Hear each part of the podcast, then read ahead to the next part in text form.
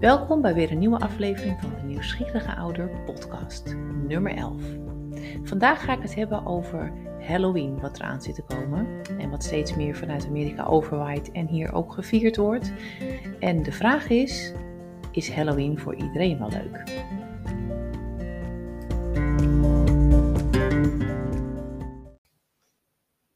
Halloween. Nou, het feest van spanning en schrikken. Uh, het is steeds meer overkomen waaien vanuit Amerika en uh, wij zijn ook steeds meer onze huis aan het versieren. En er worden van allerlei dingen georganiseerd rondom Halloween. De scholen worden soms ook versierd. De pretparken hebben allerlei themaavonden. Kortom, Halloween uh, is here to stay. Nou, vandaag wil ik het dus hebben over Halloween, omdat ik absoluut niet voor de betutteling ben, maar wel het graag zou willen hebben over het feit Denk eens na, is Halloween voor mijn kind wel leuk? Want mijn ervaring is dat bij de sensitieve kinderen, die kunnen nogal onder de indruk raken van uh, alles wat zich met Halloween uh, laat zien. Dus bijvoorbeeld uh, voor de deur dat er in één keer pompoenen staan met enge gezichten, met lichtjes erin. ja, hangende vleermuizen, skeletten met een gewaad aan. Kortom, allerlei dingen waar kinderen best wel van onder de indruk kunnen raken. En het is zo grappig, want het ene kind vindt het fantastisch en die wil die spanning juist voelen en ervaren. En die kan er geen genoeg van krijgen. En toch zijn er ook kinderen die er eigenlijk uh, ja, van in een soort freeze raken. En er is ook een filmpje, zag ik laatst, van twee kinderen in een, uh, kind, in een uh, boodschappenwagentje in Amerika, ergens in een supermarkt. En in dat schap, in die grote supermarkt, stonden twee uh, skeletten. En die hadden allebei een soort banjootje, zo'n klein gitaartje in zijn handen, zo'n heel billy ding. En die waren muziek aan het spelen en de oogjes die hadden uh, knipperlichtjes erin. En je zag die kinderen zeg maar in dat zitje zitten. En de mensen die het filmpje gepost hadden, die vonden dat dus eigenlijk heel erg grappig en cute. Maar wat ik dan eigenlijk zie, is dat die kinderen met opengesperde ogen uh, ze waren echt onder de twee, dus echt kleine dreumetjes in die, uh, kinder, of in die boodschappenkar. En die waren met ogen gesperde open um, aan het kijken naar die twee poppen. En ze konden natuurlijk nergens heen. Dus wat zie je dan? Kinderen die gaan dan eigenlijk in een soort freeze. Die kunnen niks meer doen en die kunnen ook niet, niet meer kijken. Dus op dat moment komt er zoveel binnen en uh, dat slaat zich op in het voorste gedeelte van het brein, want ze kunnen het niet goed verwerken omdat ze dus in die free zitten. Nou, vervolgens kan het zijn dat zo'n kind naar huis toe gaat uh, met vader of moeder en op het moment dat het dan uh, tegen het moe zijn, het in slaap willen vallen, uh, nou op het moment dat je je overgeeft aan slaap, dan ontstaat er een soort ruimte, rust en ruimte. En op het moment dat je die leegt of die ruimte voelt, dan kan ook gelijk weer dat gevoel weer naar voren komen van die spanning die je opgeslagen hebt en niet goed verwerkt. Dus gek genoeg zien we dat kinderen die sensitief zijn, soms van de meest, ja, in onze ogen, uh, simpele dingen uh, ja, heel heftig kunnen schrikken. En daar staan we soms niet bij stil. Dus ik denk dat het heel goed is om te bekijken, geniet mijn kind wel van dit soort uh, ja, feest. Hè? Doe ik er verstandig aan om bijvoorbeeld die wandeling te gaan maken door de buurt, omdat iedereen bij de voordeur uh, die versiersels heeft hangen.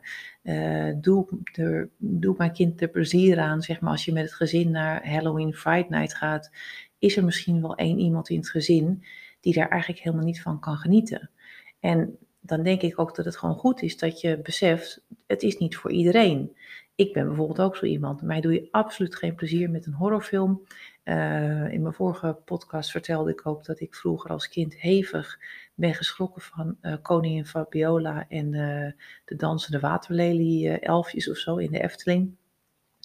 Dat hele gebeuren had zo'n impact op mij dat ik gewoon ja, helemaal over mijn theewater ging. En dat heeft heel lang nog nagesudderd. Dus ik weet ook wel dat ik dan als ik alleen al aan dacht, uh, of de naam werd genoemd, dan kwam die spanning alweer op. Ik vond dat heel onprettig.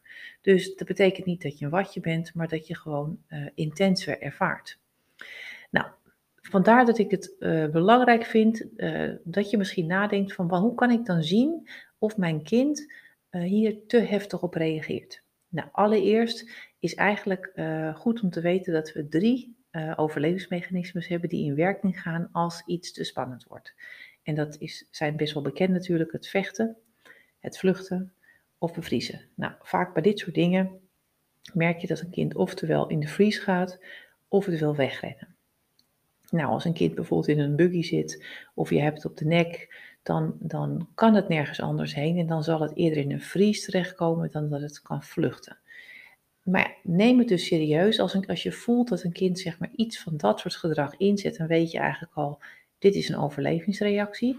Dat is gewoon geen goed nieuws. Dit is niet grappig meer, niet leuk. Dus dan ga ik mijn kind niet zeggen, nou, uh, niet zeuren, doorzetten, je moet eraan wennen, want als je hier niet tegen kan, uh, dan kan je nergens tegen.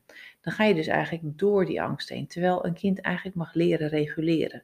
Dus dan kan je zeggen, nou, uh, wil je op een afstandje kijken of wil je naar huis toe? wat wil je? Nou, dat kan je bijvoorbeeld aan je kind vragen. En je kan ook bijvoorbeeld kijken hoe een kind reageert, bijvoorbeeld als je alleen al de, de pompoenen bij de buren ziet staan met lampjes erin. Ga eens kijken hoe je kind erop reageert. Nou, dat zijn eigenlijk allemaal kleine dingetjes die je al kan doen. Voor de rest zie je eigenlijk aan een lichaam uh, hoe het zich voelt. Dus is een kind ontspannen?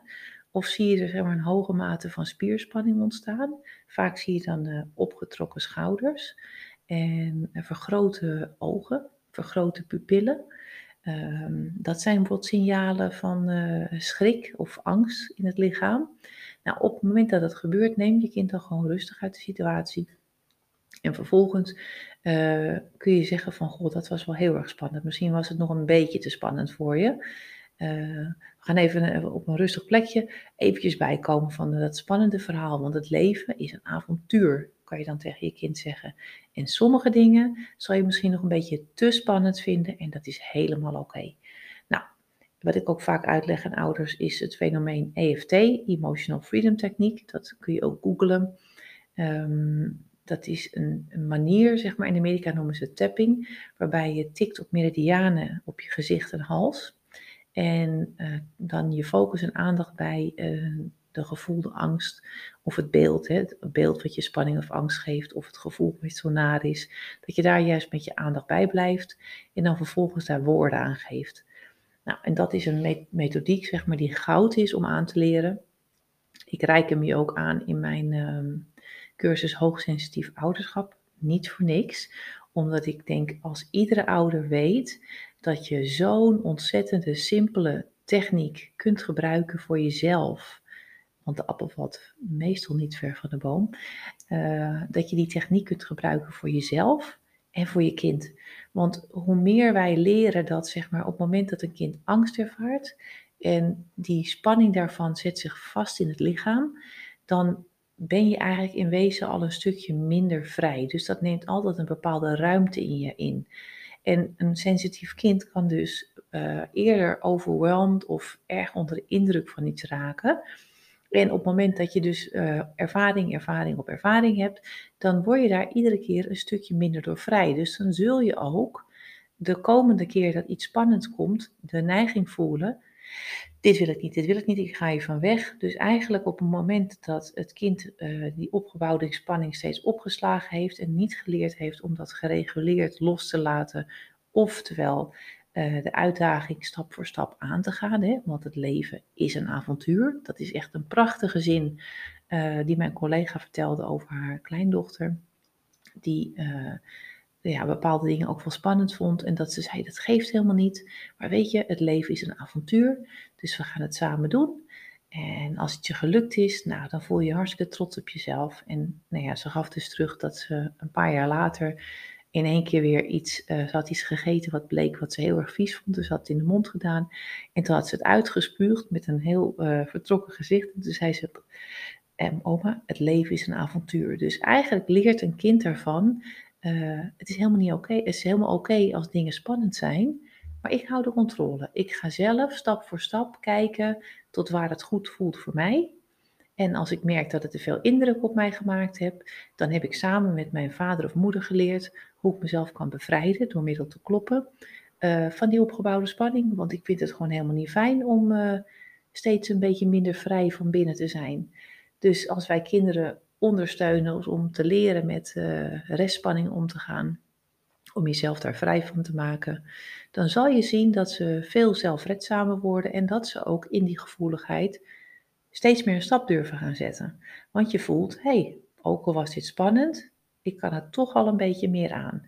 Dus dan heb je zomaar kans dat Halloween, uh, wat je ontzettend spannend vond toen je vier was, op je tiende in één keer prima aan kan. Maar dan heb je dat zelf uh, stapsgewijs kunnen ontdekken, het avontuur, en steeds een stukje dichterbij durven komen. En op een gegeven moment denk je, ik kan dit eigenlijk hartstikke goed aan.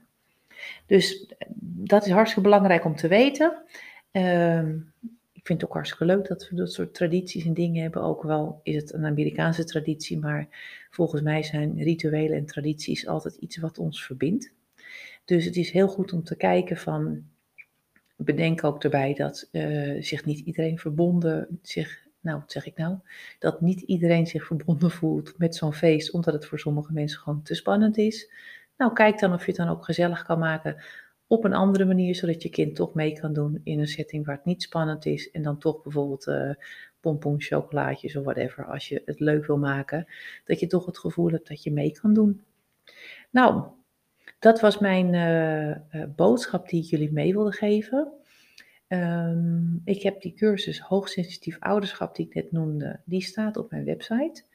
Deze cursus heb ik speciaal gemaakt voor uh, ouders met gevoelige kinderen. En zoals ik al zeg, meestal valt de appel niet zo ver van de boom. Maar het kan ook zijn dat je zelf eigenlijk nog helemaal niet zo in de hebt dat je gevoelig bent.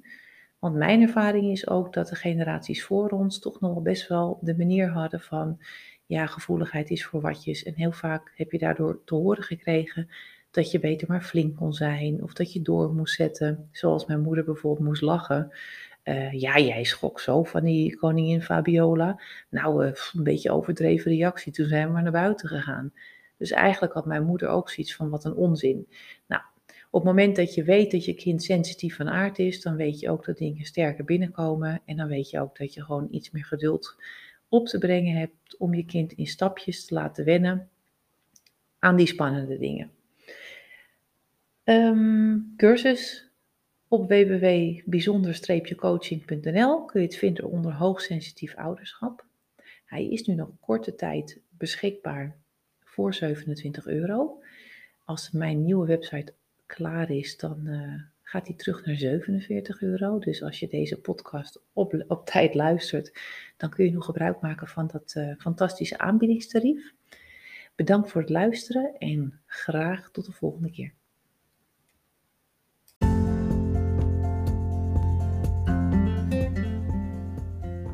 En dit was hem weer, aflevering 11 van de Nieuwsgierige Ouder podcast. Bedankt voor het luisteren en vind je deze podcast interessant, dan help je mij enorm door hem een waardering te geven in Spotify. Dan kan je met sterretjes natuurlijk aangeven hoe fijn je mijn podcast vindt. En deel hem vooral, want ik denk dat dit ook weer zo'n boodschap is die uh, best belangrijk is voor ouders om te weten. Dat ze gaan kijken naar hun kind en bedenken, past dit mij of past dit mij niet? Nou, bedankt voor het luisteren en graag tot de volgende.